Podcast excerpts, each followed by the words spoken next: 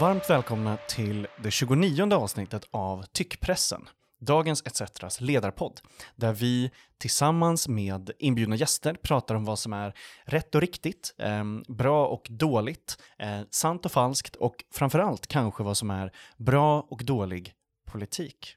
Jag som programledare heter som vanligt eh, Max V. Karlsson. Jag har inte bytt namn sedan förra gången. Och med mig idag så har jag Daniel Svedin, politisk chefredaktör på tidningen Arbetet. Varmt välkommen tillbaka. Tack så mycket. Och Joakim Medin, eh, journalist och författare. Eh, och du skriver mycket för eh, ETC-sfären och Dagens ETC. Eh, du har skrivit väldigt mycket bra från Ukraina och, och så.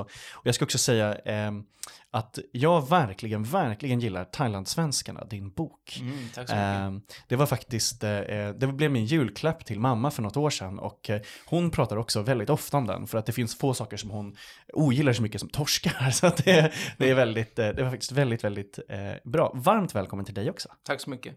Och vi är ju här för att prata om ett ämne som jättemånga pratar om och jag försökte liksom länge så här, men går det att prata om någonting annat? Men som en ledarpodd så gör inte det, men vi kommer få prata om det på vårat sätt. Um, jag har döpt ämnet idag till eh, NATO, Säpo och kurder. Um, vi ska prata om eh, NATO-processen, vi ska prata om eh, vad den är just nu, om eh, Turkiets eh, eh utspel, om man kan säga det så, och efterföljden av det. Eh, och såklart också om vilken roll kurderna spelar i allt det här. Eh, det som mycket politik det känns det som att eh, eh det, det, känns som att eh, eh, även här så spelar kurderna liksom en, en, inte oviktig roll. Jag skulle bara vilja börja fråga liksom, eh, kanske dig Daniel, så här, men bidde det inget NATO nu? vad, vad, vad hände egentligen? vi, alla var så taggade, hade bytt om och var redo och befolkningen hade ändrat åsikt, opinionen hade vänt och, och allt sånt där. Och så hände det här? Ja, du, du tänker på de, turkiska protesterna då? Ja, men precis. Svenskt medborgarskap. Eh, jo, det, det kommer... var väl otrevligt av dem? Ja, det var väldigt otrevligt. Eh, nej, jo, men det kommer bli ett svenskt NATO-medlemskap, bedömer jag. Det gör väl all... Den bedömningen gör väl alla egentligen. Och den stora frågan är väl vad, eh, vad Turkiet egentligen kräver och vem de faktiskt kräver av. Eh, däremot så verkar det ju vara så när man liksom lyssnar på miljöpartister och eh, vänsterpartister som har varit med i de här säkerhetspolitiska samtalen i, i riksdagen Eh, att det har funnits en viss yrvakenhet från eh, både regeringen och de borgerliga partierna om att så här, det kan, vi kan komma i en situation eh, där eh, faktiskt stater eh, som vi inte tycker är jätte Eh, lajban som har att göra med kommer ha synpunkter på saker som vi gör eller de kommer använda sig av saker eh, som de tycker är dåligt med oss. Liksom den processen som nu är fram till att vi faktiskt är NATO-medlem. Jag, jag, tänker mycket på liksom, vi har ju nu Turkiet en sån diskussion, sen har vi också då Ungern som diskussion, potentiellt kanske även Polen, det tror jag kanske inte kommer bli så stort problem egentligen. Men det man ska komma ihåg är ju att åtminstone Ungern och Polen är ju två länder som Socialdemokraterna i två EU-valrörelser har använt som liksom, argument för därför ska man rösta på Socialdemokraterna. Verkligen. Man har liksom pekat ut Orban-regimen och Polen som eh, här nedmonterar de det civila samhället. Det finns ingen, public service är jättehotat.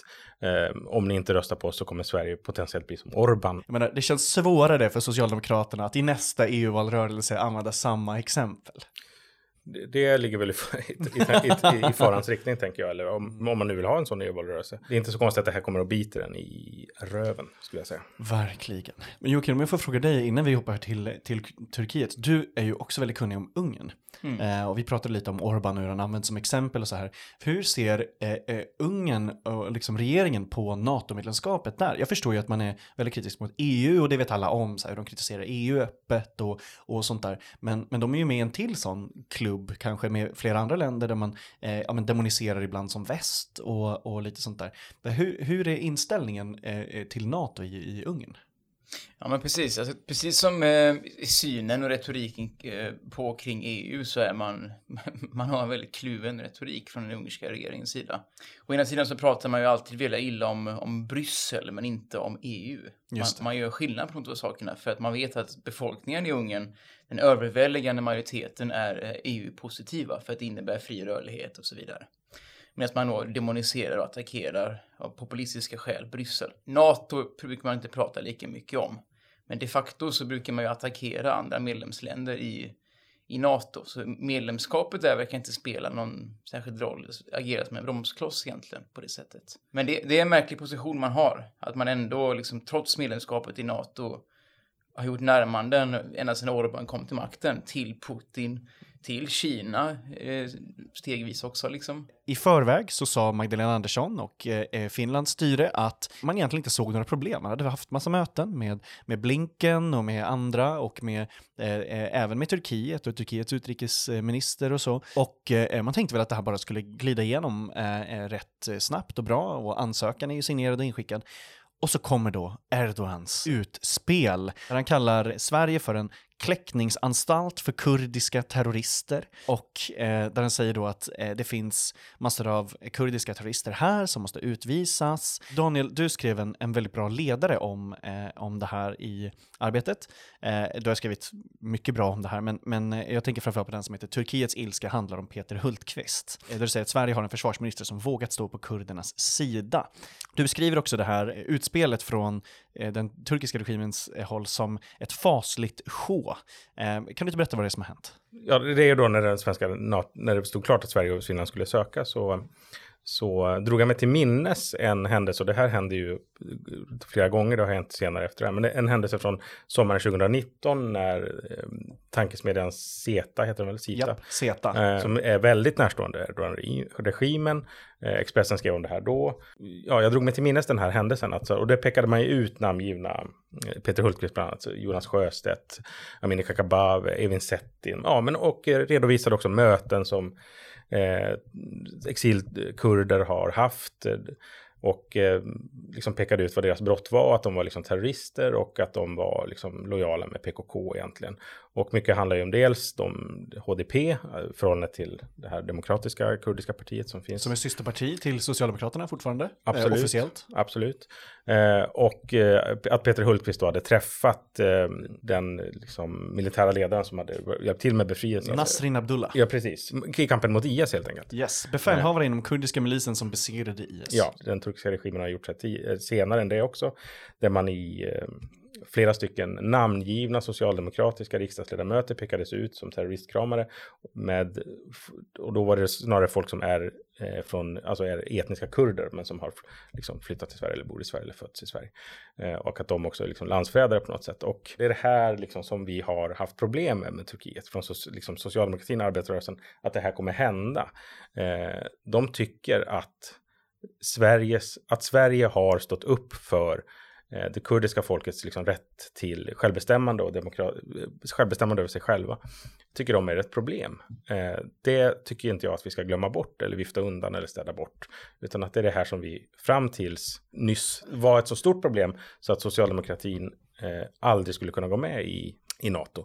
Nu har man omvärderat det, men alltså det är det här det handlar om och det är specifikt försvarsminister Peter Hultqvist är liksom en, en person som de pekar ut som en politisk motståndare. Kurdobaxi sa ju om den här eh, rapporten då, aldrig förr har en svensk försvarsminister utsatts för en sån smutskattskampanj. Eh, och rapporten avslutas också med en, eh, lite av en high note eh, i, eh, i, i kapitlet om Sverige då, så namnger man den påstådda kurdiska mördaren till Olof Palme. Nej men då, eh, som du säger Daniel, så har ju Turkiet gjort så här förut också. De har ju till och med gjort så här även i NATO förut. 2009 så hotade de om att vetoa den nya danska generalsekreteraren som de tyckte inte hade tagit avstånd tillräckligt mycket från eh, rondellhundarna. Och där kom det eh, in också väldigt mycket. Eh, de stoppade också en del planer med Östeuropa 2012 där man skulle göra vissa samarbeten. I de här fallen så har USA alltid gått in och övertalat Turkiet. Med övertalat så menar jag eh, ofta gett lite vapen. Välj ett klimatsnällt sätt att resa i sommar. Med ETC Tåg, ja då slipper du det där krånglet med att boka biljetter hos en massa olika tågoperatörer. Du bokar hela resan, enkelt från en och samma sajt. Därefter får du alla biljetter i ett och samma mejl. Snabbt, enkelt och bra för klimatet.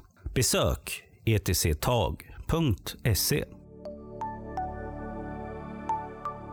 Först skulle jag fråga dig Jocke, eh, har du sett hur, hur, hur, hur har reaktionerna varit på det här utspelet i, i Turkiet? Har du sett någonting? Eh, och även då bland kurder, liksom. hur har kurder och turkar reagerat på det här utspelet från Turkiet? Mm, alltså jag har, jag har läst turkiska, det finns ju alltså i princip nästan inga oberoende medier kvar i Turkiet. Just det, det ska man säga. Eh, det, ja. det, det är ett fullständigt regeringsfångat medielandskap. Så de medier som finns att kolla på som inte är liksom på något sätt hemliga eller i exil som är i sin natur regeringskritiska är ju regeringslojala, regeringskontrollerade. Och där har ju samma budskap rapats upp i nästan allihopa. Att eh, Sverige stödjer PKK, Sverige har alltid stöttat PKK i 40 års tid och som, och som torgför de här olika eh, åsikterna och konspirationsteorier också. Och väldigt många turkar kan inte undgå att influeras av detta. Att man antingen tror på detta fullt ut eller att det åtminstone präglar liksom det dagliga dagliga samtalet på gatan eller det man pratar om vid middagsbordet, diskussioner i samhället. Inte minst då bland Erdogans eh, väljare eller tilltänkta väljare såklart. Mm. Och det är också ett av syftena med detta. Mm. Och samma sak med, med, med, turkiska nationalister som röstar på eh, Erdogans allierade. Alltså det handlar ju om inrikespolitik för honom då menar du? Alltså att, att, eh... På många sätt och vis så handlar ja. det här om inrikespolitik. Eh, han vill stärka sin position inför det. det. viktiga valet nästa år i Turkiet. Han vill visa sina nationalistiska allierade att jag kan fortfarande attrahera väljare.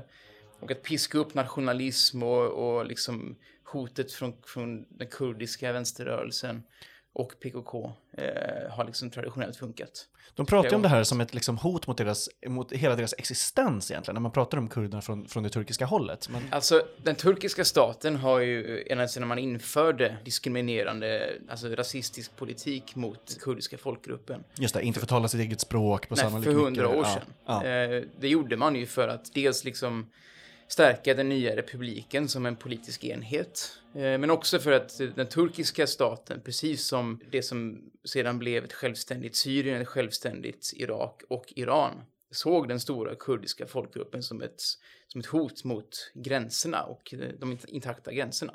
Kurderna ville gärna eh, bryta sig fria och bilda en egen stat, vilket de först blev lovade flera västmakter efter första världskriget och sen blev svikna. Men har du sett några kurdiska reaktioner på det här? Då? På Erdogans utspel? definitivt. Jag menar, jag, jag skrev en artikel som kom senast igår, dagen efter att Turkiet sa nej till eh, medlemskapet från både Sverige och Finland. Där jag intervjuar både en, en talesperson för den organisation i Sverige som representerar den kurdiska vänsterrörelsen som, som har pekats ut i turkiska medier som, eh, som en terrororganisation. Och eh, Amineh Kakabaveh och det kurdiska självstyret i nordöstra Syrien, dess, dess representant i Sverige. Och de här personerna har eh, uttryckt oro allihopa, utan undantag, för att det ska komma någon form av eftergifter från Sveriges sida för att gå med i, i NATO då. För att blidka den turkiska kritiken. Jag har också talat med och blivit kontaktad av ett flertal av de kurder som under de senaste åren har stämplats som säkerhetshot av svenska säkerhetspolisen och som blivit föremål för utvisningsprocesser utan att få ta del av de påstådda bevisen mot dem men som ändå ska utvisas, i vissa fall till det rättsosäkra Turkiet. Och de, de har uttryckt då en, en, en, ja, som man säger, en ännu större oro än tidigare för att nu kommer vi verkligen att riskera utvisning från Sverige. Mm. Vissa gånger då till, återigen till Turkiet själv. Mm.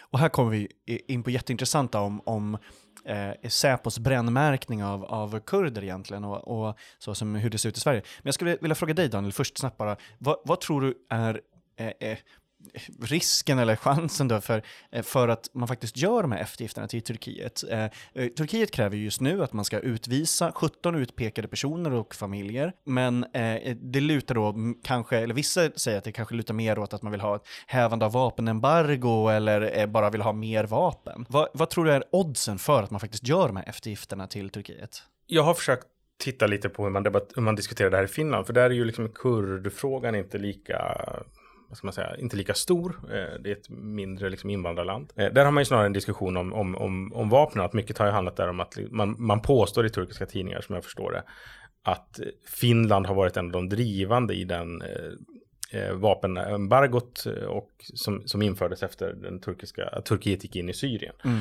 Eh, man pekar ut liksom Finland specifikt som en, en, en aktör i det där. Eh, och då verkar liksom finska debattörer vara så här, nej men vi tänker inte liksom, vi ska bara stå, stå på oss i det här. Vi tänker inte vika ner oss. Vi tycker att, så här, att, att vi inte skickar vapen till Turkiet, det är samma sak som att vi inte skickar vapen till Ryssland. Just De är liksom en, en the aggressor i, i, det, i det här sammanhanget. Um, och det måste vara liksom den finska hållningen. Eh, Däremot så handlar väl väldigt mycket, alltså det är klart att inrikespolitik, precis som Joakim säger, men väldigt mycket handlar väl också om att man vill att USA ska ge dem flygplan, de här F16-planen som man inte fick, eh, fick köpa när de började köpa ryskt eh, krigsmateriel istället. Att det finns ju den, den konflikten finns ju också där. Att eh, är man NATO-medlem så ska man inte köpa krigsmateriel från Ryssland. Men det gjorde Turkiet. Biden igår var väl ute och sa att de kommer få köpa de här äldre planen. Eh, som de har sagt att de vill ha om de inte får de senaste, det är det osynliga F16-planet. Eh, så där ser man ju redan att det, det händer saker. De kommer få tillgång till vapen som, som de inte haft på i tre, fyra år. Eller att de inte haft möjlighet att köpa dem. Och det tror jag väl är det som är den liksom, den, den saken vi kommer se offentligt. Eh, det kommer hända. Liksom. Joakim, du har ju skrivit massor om det här. Eh, du är nog den som har skrivit mest om eh, kurdernas situation kopplat till Säpo och till de här utvisningarna som har skett. Där man har fått reda på, man har fått myndighetspapper egentligen på att man är ett säkerhetshot mot Sverige. När man är kanske en arbetande barnfamilj som bor i, en, i, i, sin hyresrätt i en förort och, och så får man då plötsligt höra från allra högsta håll att du minns minsann är, är jätte, jättefarlig. Och sen så har det här också resulterat då i utvisningar där man inte får eh, eh tillräckligt med, med, eh, underlag eller så är det då eh, säkerhetsskyddat, det är helt enkelt säkerhetsstämplat. När började de här och hur skulle du säga att liksom, kurder i Sverige just nu, eh, eh, går de liksom runt och är misstänksamma och rädda? Liksom, hur ser man på, på de här breven och utvecklingen? Den här utvecklingen började så vitt jag har fått höra av berörda människor under loppet av 2019. Mm där personer, ett, ett, flertal människor som sökte om, eh, om förlängt uppehållstillstånd, eh, antingen åt sig själva eller åt sina partners eh, som man hade levt med eh, haft bildat familj med i Sverige sedan flera år tillbaka. Man sökte permanent uppehållstillstånd. Det kom inget svar. Det, det, det drog ut långt innan man fick någon form av respons från Migrationsverket. Och sen visade det sig att det här det skickas på remiss till Säkerhetspolisen. Och Säkerhetspolisen eh, rekommenderar istället utvisning på grund av föreställningen om eh, det förelåg ett säkerhetshot. Sedan 2020 så har det här rullat på. Vi har sett en utvisning av en, eh, av en kurdisk eh, småbarnsmamma som utvisades från Sverige. Hon var gift med en svensk eh, medborgare, en kurdisk kille. Bodde i Örebro och jobbade och hade två barn. Och utvisades till Belgien, eh, där hon är medborgare. Eh, innan det så utvisades det en ung kurdisk kille som var efterlyst och dömd in absentia i, i Turkiet för terrorbrott. Mm. Han utvisades i början av pandemin. Och det här har, liksom har bidragit till att elda på en oro hos, hos dem betydligt fler, många fler kurder, ett, ett 40-tal åtminstone, som eh, gett sig till känna, som har eh, också blivit föremål för sådana här processer. Och de är oroade därför att deras protester, deras, deras försök att be om, om någon form av insyn eller transparens hos myndigheterna har inte besvarats. Och det är fortfarande ett stort mysterium varför de här processerna överhuvudtaget pågår. Mm. Jag har sett att det finns, eh, det finns en del jurister som är inne i det här nu och försöker se liksom, vad, vad de kan göra och så. Det finns en hel del volontärkrafter som försöker ta tag i det. Men har det funnits någon form av politiskt svar? Finns det någon, eh, har det skett någon politisk reaktion på det här? Eller finns det någon som har reagerat i, i Sverige?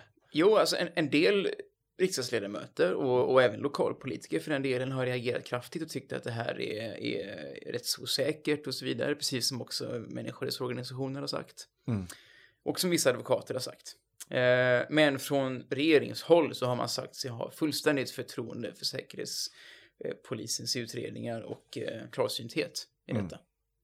Och, och man, man säger då att i Sverige har vi förstås oberoende myndigheter, så även ifall vi skulle tycka annorlunda, vilket vi inte gör, så skulle det fortfarande inte kunna vara någonting som vi i realiteten kan påverka. Vilket då advokater har flikat in att det kan man visst göra när det, gör, när det gäller utvisningsärenden på grund av, eh, av, säkerhets, av påstådda säkerhetshot. Har du pengar på banken?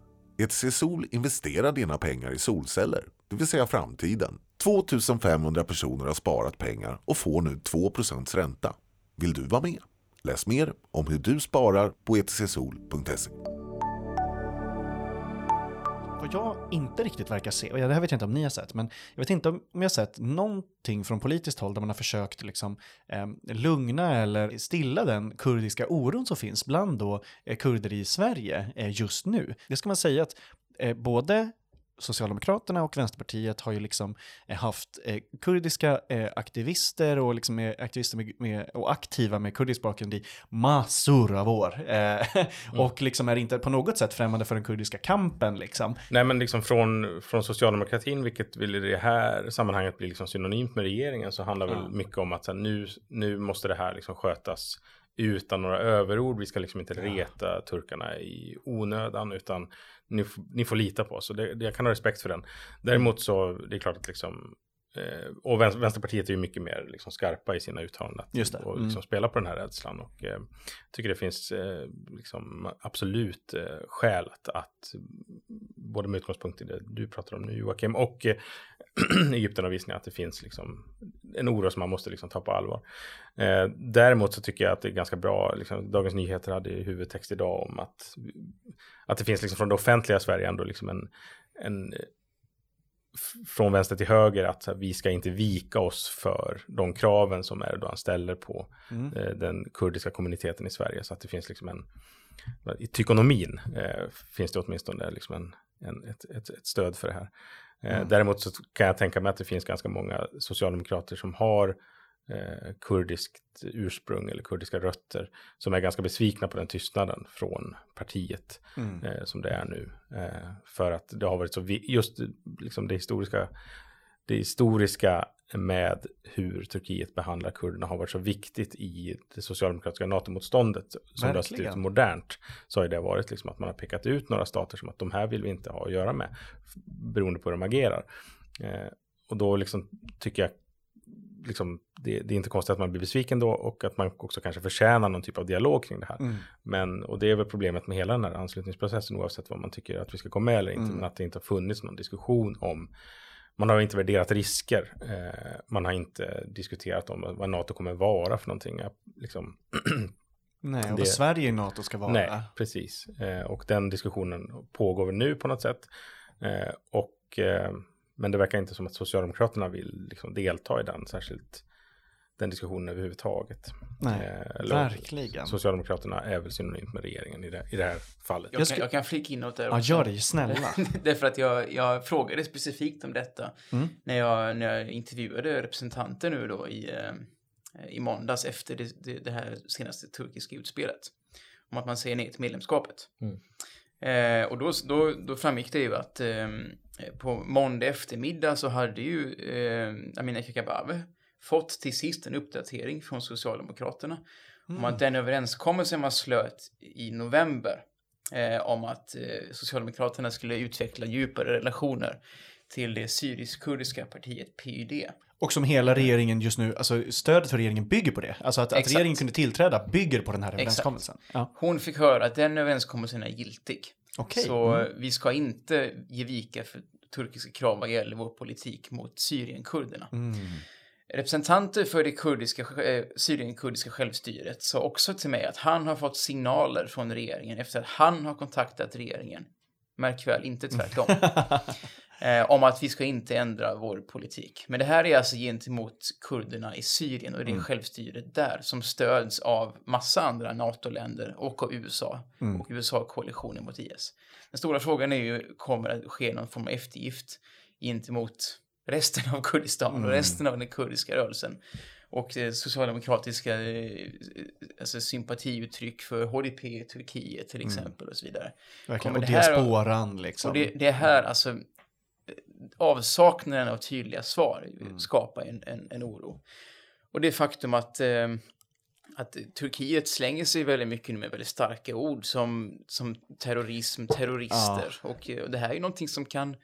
Kläckningsanstalt. som, som, kan, Mm. som vissa kurder förmodligen är rädda att det kan få fäste. Att jaha, ska vi inte helt enkelt bara eh, göra som Turkiet vill? Varför ska vi tillåta några terrorister i Sverige för? Mm. Problemet är ju att det är väldigt, väldigt många som har arresterats och fängslats i Turkiet eh, efter anklagelser om terrorism, alla möjliga. Och de här som till exempel är föremål för utvisningsprocesser i Sverige eh, efter blivit anklagade för att vara säkerhetshot, det är ju politiker, aktivister, journalister Eh, som ibland är medborgare i Turkiet, andra gånger inte, och som inte alls är brottsmisstänkta i Sverige.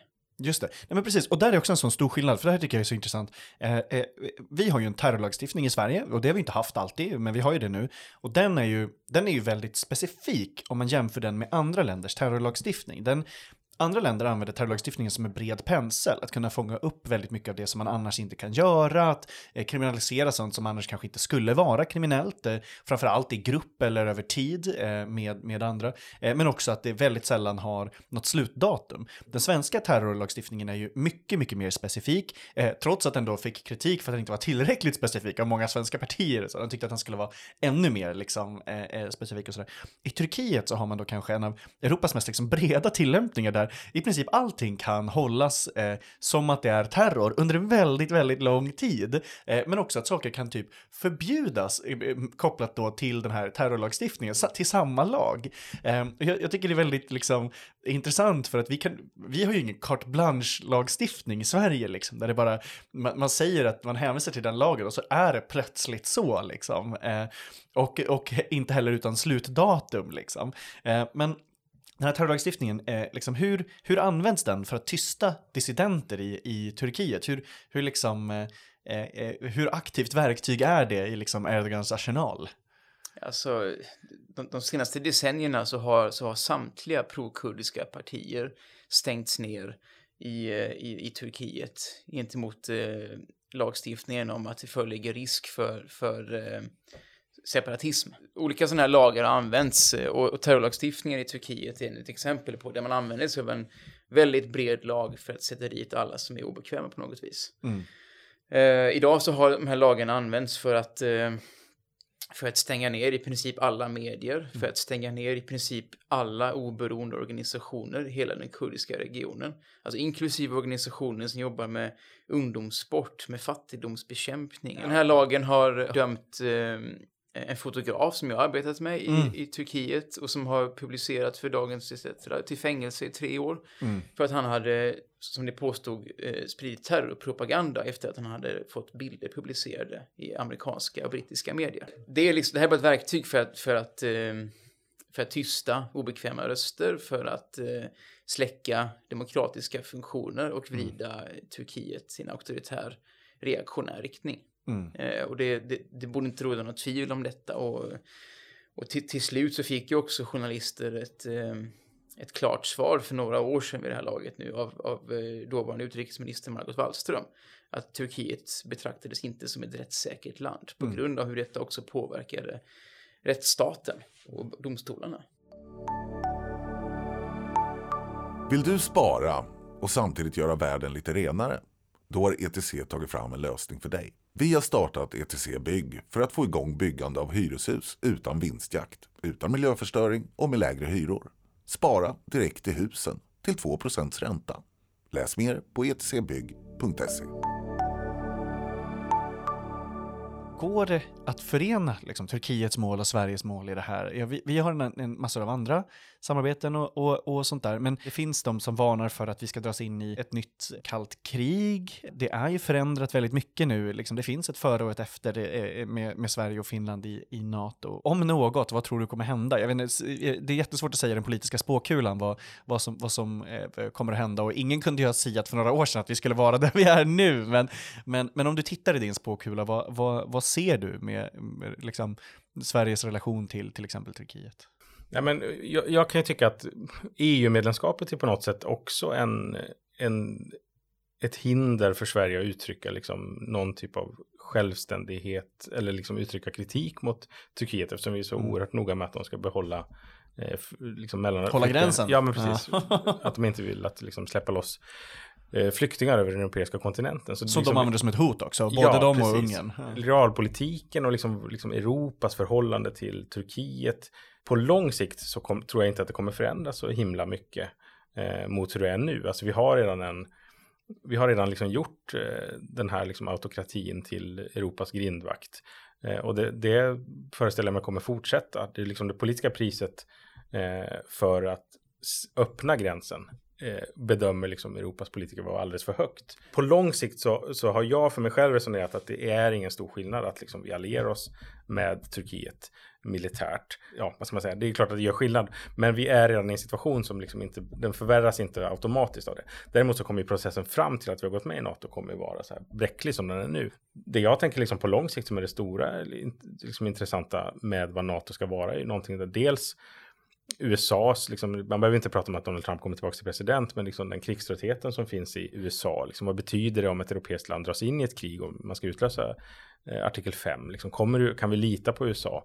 Vi har samtidigt att USA och Storbritannien sluter allianser med, med Australien, en militär allians där, alltså vi ser ett skifte mot Stilla havet. Mm. Eh, Boris Johnson har liksom disk diskuterat att man på något sätt ska ha in Japan och Taiwan i någon sorts militärallians, inte med NATO, men någon liksom egen variant. Att vi ser liksom ett skifte. Ryssland är liksom ett imperium på nedgång. Mm. Eh, det, det, tror jag liksom många kan se, att det här är liksom en av de stora sista uppträdandena för den här staten. Mm. Eh, sen kommer vi ha liksom Kina att behöva hantera. Eh, och vad kommer vara Sveriges roll där? Vill vi liksom skicka svenska flickor och pojkar dit i, och kriga om Taiwan, liksom, eller vad, om öar där. Vi har ju dels den här Salomonöarna som nu också liksom allierat sig med Kina. Att det händer en massa saker där borta som kommer där Storbritannien, Australien och USA och Japan liksom har egna intressen kontra Kina. Det finns så mycket att diskutera och prata mycket om och som är så intressant, men så känns det som att det liksom är, det borde vi ha gjort förut, eller det mm. känns som att det, det, det, det, det, det, ska, det ska jag säga, det, det tycker jag är liksom lite bekymmersamt och det kan jag liksom ha riktat mot mig själv också, väl, mm. verkligen att för svensk vänster har liksom inte varit intresserad av säkerhetspolitik. Nej. Det måste och säga. utrikespolitik liksom, också på nej. samma sätt. Alltså. Vi, har, vi har retirerat från det här och nu när diskussionen är så är det liksom Pierre Schori och Göran Greider och andra farbröder och tanter som liksom får ta det här och de gör det med liksom en argumentation som de är hemma i. Men som för väldigt många, kanske lite yngre människor, inte känns lika aktuell. Eh, men liksom, vi har väldigt många liksom, politiska aktörer som är födda efter att Berlinmuren föll. Det är, liksom, det är en annan typ av värld. Vi har inte varit intresserade eh, och vi har liksom inte Ja, vi har inte behövt pröva våra argument. Vi har ta tagit det lite för givet också. Ja, precis. Eh, tagit liksom svenska alliansfriheten lite för givet. Absolut. Och, och, typ, eh, jag menar, nu pratar man om världen, vad den har gett mm. och sånt där liksom. Men, men jag menar, det, det är ju också länge sedan. Den, den har inte riktigt varit på tapeten på det Visst, sättet. Att Socialdemokraterna kunde svänga så här snabbt och utan bråk tror jag också handlar om att ja, argumenten för väldigt många människor för varför vi ska stå utanför eh, uppfattades som väldigt ihåliga. Alltså, mm de är, de är liksom skapade i en annan värld.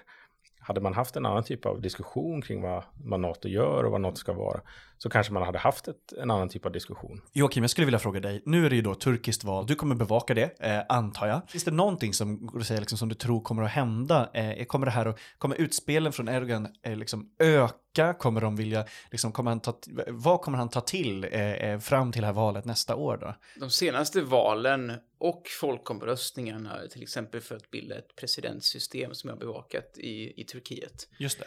Så har, så har Erdogan eh, ja, tagit till samma knep. Han har liksom gjort någonting som har piskat upp den nationalistiska andan som gör att han kan mobilisera väljare. Antingen till sig själv eller i andra hand till hans nationalistiska eh, alliansparti MHP. Eh, samma sak kommer rimligtvis hända igen. Och eh, folk jag har talat med som, som både själva kanske är turkisk medborgare, bor i Sverige, eller som bor i Turkiet eh, och är regeringskritiska ser precis samma hotbild nu som tidigare. Någonting ännu större kommer att hända mm. eh, för att piska upp den här nationalismen. Eh, ett första steg skulle kunna vara eh, det som redan har hänt, att, att, att man har gjort en ny offensiv mot PKK-gerillan i norra Irak. Just det. Det håller på att blossa upp mer konflikt nu kring, kring kurderna i, i nordöstra Syrien.